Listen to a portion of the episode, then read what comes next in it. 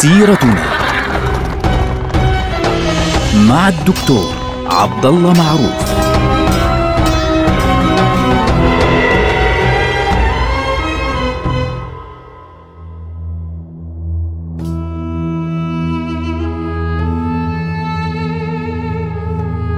السلام عليكم ورحمة الله وبركاته. سيرتنا سيرة هذه الأمة العظيمة ونحن الآن في عهد السلطان أحمد الثالث.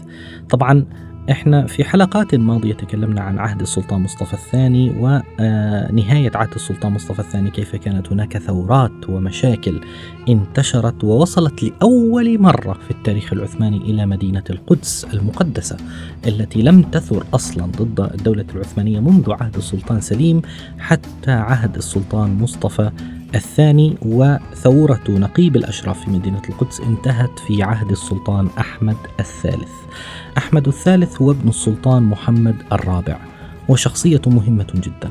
هذا الرجل أحمد الثالث آه، حكم فترة طويلة ليست قصيرة حكم فترة 27 سنة تقريبا من عام 1703 حتى عام 1730 يعني من 1115 حتى 1143 للهجرة.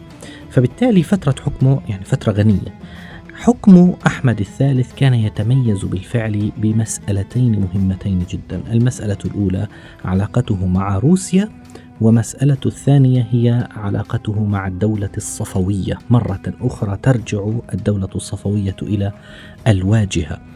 آه بالنسبة لروسيا خلينا أول شيء نبدأ مباشرة من داخل الدولة العثمانية. طبعا السلطان أحمد الثالث استلم الحكم في مرحلة صعبة جدا. عندما عزل السلطان مصطفى الثاني اللي هو أخوه استلم الحكم في فترة كانت صعبة جدا. آه أول شيء فعله أنه وزع الأموال على الانكشارية. لأنه الانكشارية هم الذين ثاروا على أخيه على السلطان مصطفى الثاني ووزع عليهم الأموال. ثم قالوا له نريد أن نقتل المفتي. لأن المفتي آه، في ذلك الوقت فيض الله أفندي قاومهم يعني بكل قوته وحاول أن يمنعهم من أعماله فقالوا له عليك أن تقتل المفتي. تخيلوا أنه قال لهم اقتلوه لا مشكلة. ليه؟ حتى يهدأوا حتى تهدأ الأحوال. طبعا هذا كلام خطير. أن يسمح بهذا الأمر يعني حتى تهدأ الأوضاع لكن يبين لنا كم كان السلطان ضعيفا في مواجهة الجيش في ذلك الوقت.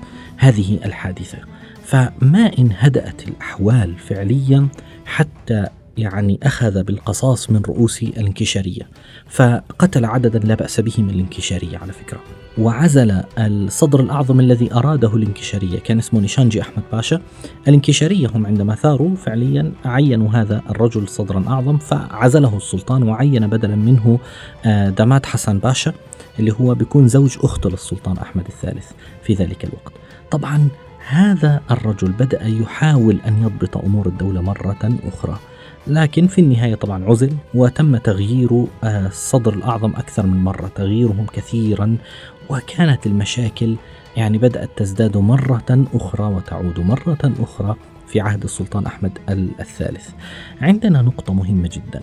السلطان أحمد الثالث في زمنه حدثت مشكلة كبيرة جدا بين ملك السويد من ناحية آه، والروس من ناحية أخرى. طبعا ملك السويد في ذلك الوقت اسمه تشارل الثاني عشر. حدثت مشاكل كبيرة بينه وبين آه، روسيا. في ذلك الوقت ملك روسيا أو قيصر روسيا اللي هو بطرس الأكبر. هذا رجل سياسي محنك بالدرجة من الدرجة الأولى على فكرة. فهذا الشخص كان يقاتل شارل الثاني عشر. وشارل الثاني عشر السويدي بعد أن هزم في آه، معركة كبيرة اسمها معركة بولتاوا في عام 1709 مباشرة التجأ إلى الدولة العثمانية. أهم شخصية أثرت في رأي السلطان أحمد الثالث وانضمامه في حلف يعني واحد مع شارل الثاني عشر كان والدة السلطان أحمد الثالث. تخيلوا هذه أول مرة نتكلم عن آه، سيدة تتدخل مباشرة في شؤون السياسة.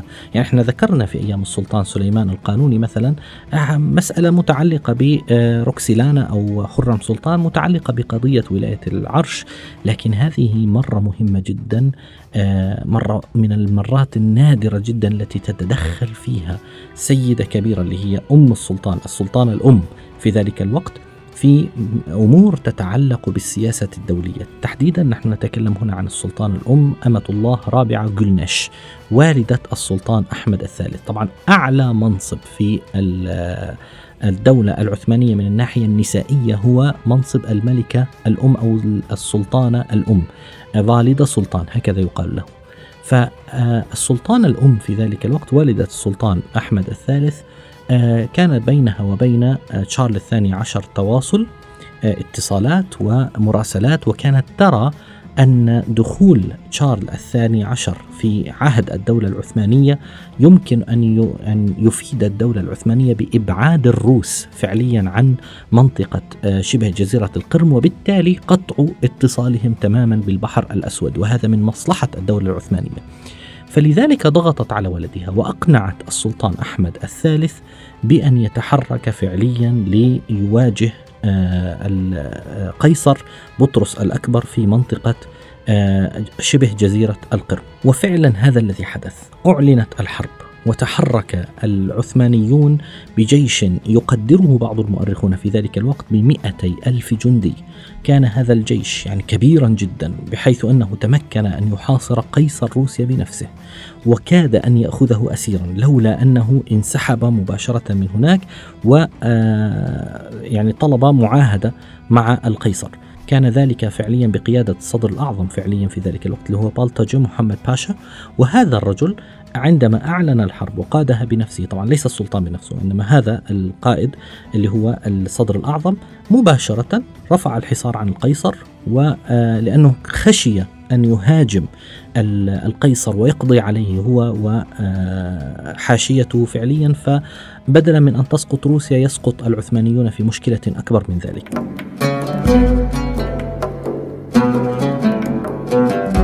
فلذلك طبعا أنا لا أدري يعني كيف قدر الأمور بأنه ممكن سقوط القيصر يمكن أن يؤثر سلبا على الدولة العثمانية، لكن المبدأ أنه آه، بعد أن حاصر القيصر أجبره على أن يوقع اتفاقية بموجبها أخليت مدينة أزاك التي كان القيصر قد سيطر عليها من شبه جزيرة القرم وأخرج الروس من شبه جزيرة القرم تماما وعادت منطقة شبه جزيرة القرم وكل البحر الأسود إلى الدولة العثمانية.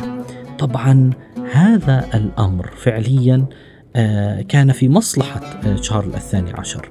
لكن شارل الثاني عشر كان يريد شيئا أكبر اللي هو الملك السويدي كان يريد من الدولة العثمانية أن تقضي تماما على روسيا. فبالتالي لما لم تت يعني لم تقضي على روسيا انسحب وخرج خارج الدولة العثمانية. طبعا هذه المعاهدة وقعت مع الدولة الروسية في ذلك الوقت مع قيصر روسيا. ثم وقعت بعد ذلك آه، مرة أخرى معاهدة جديدة مدتها 25 عاما بين الدولتين. ثم وقعت مرة ثالثة معاهدة أخرى اسمها معاهدة إدرنة في سنة 1713 يعني بموجبها تنازلت روسيا تماما عن كل الأراضي التي على البحر الأسود ولم يبقى لها على البحر الأسود أي شيء. فبالتالي كانت الأمور واضح أنه يعني ها استردت الدولة العثمانية شيئا من الكرامة التي كانت يعني في هذه المنطقة. قد هدرت عندما سيطر الروس على هذه البقعة. طبعا بعد ذلك انشغل السلطان بتوقيع بعض المعاهدات مثل معاهدة بساروفيتس آه، في آه، أوروبا في النواحي الأخرى. لكن في المقابل عندما استلم منصب الصدر الأعظم آه، دماد إبراهيم باشا في عام 1718 يعني فكر في أن تفتح بلاد جديدة لأنه خلص فقدت الدولة العثمانية أراضي كثيرة جدا في أوروبا. ففكر بأن يتوجه مرة أخرى باتجاه الشرق وتحديدا باتجاه الدولة الصفوية لأنه الشاه حسين اللي هو أحد الملوك في الدولة الصفوية عندما تنازل عن حكمه فعليا في ذلك الوقت إلى آه، أمير أفغانستان اسمه مير محمد بدأت الفوضى تدب مرة أخرى في الدولة الصفوية. فلذلك مباشرة إبراهيم باشا الصدر الأعظم تحرك باتجاه أرمينيا وباتجاه جورجيا ودخل إليها. في المقابل بطرس الأكبر إمبراطور أو قيصر روسيا تحرك باتجاه القوقاز واحتل منطقة داغستان التي نعرفها اليوم باسم داغستان. فكادت أن تقوم الأمور بين روسيا والدولة العثمانية مرة أخرى لولا أن يعني توسطت فرنسا بين الطرفين وكان بينهما معاهدة على أن تقتسم الأراضي التي تم احتلالها وتم أخذها من بلاد الدولة الصفوية طبعا الدولة الصفوية حاولت بكل قوتها أن آه، تقاتل الدولة العثمانية وحاولت أن تقاتل ضد الدولة العثمانية فلم تتمكن. طبعا الدولة الصفوية بعد الفوضى التي دبت فيها اتفق الأطراف فيها مرة أخرى آه، على آه، استلام شاه جديد اللي هو الشاه طهماسب الحكم في عام 1727 وأرسل طهماسب هذا الجديد. طبعا هذا يذكرنا بطهماسب الأول أيام السلطان سليمان القانوني لكن هذا شخص مختلف تماما. أرسل طهماسب إلى الدولة العثمانية إلى السلطان أحمد الثالث يقول له تردون إلينا كل شيء مرة أخرى. فرفض السلطان طبعا أنه يرد لهم أي بلاد أخذها وبالتالي بدأوا يهاجمون الدولة العثمانية. فالسلطان لم يرد بالحرب يعني كانوا يغيرون على الدولة فالسلطان أراد أن يقوم بتوقيع اتفاق صلح مع طهماسب هذا الأمر جعل الانكشارية يثورون مرة أخرى. فهاج الناس وبدأت الفوضى داخل الدولة بقيادة رجل اسمه باترونا خليل.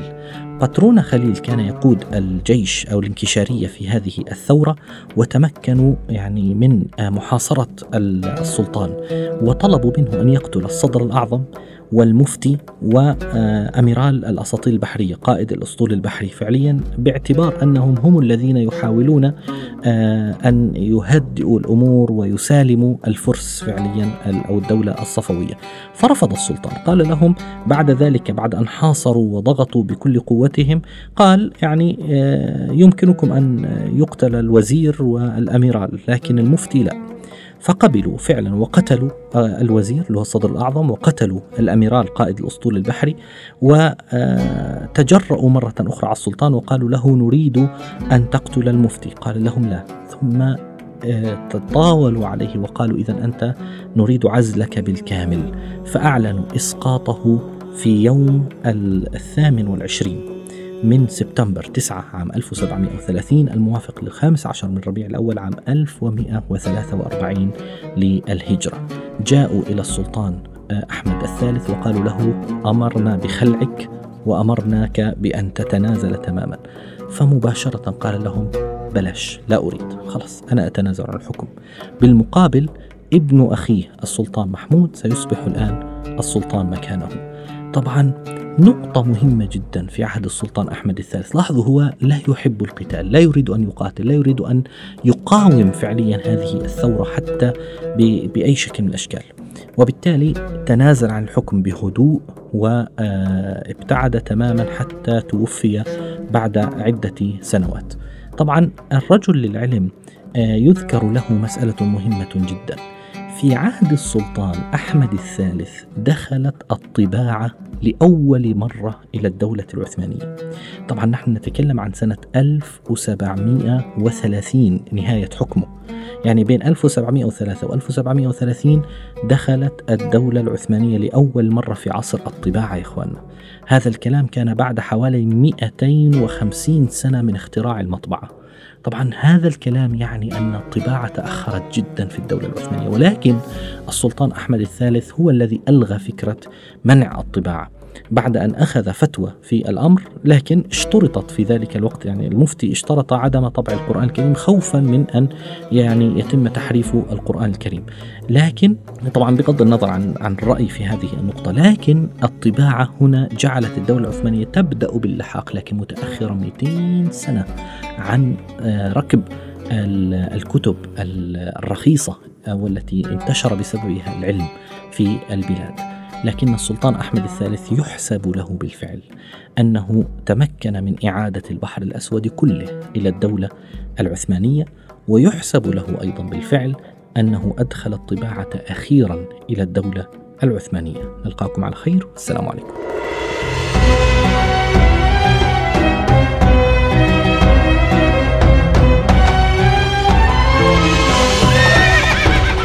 سيرتنا.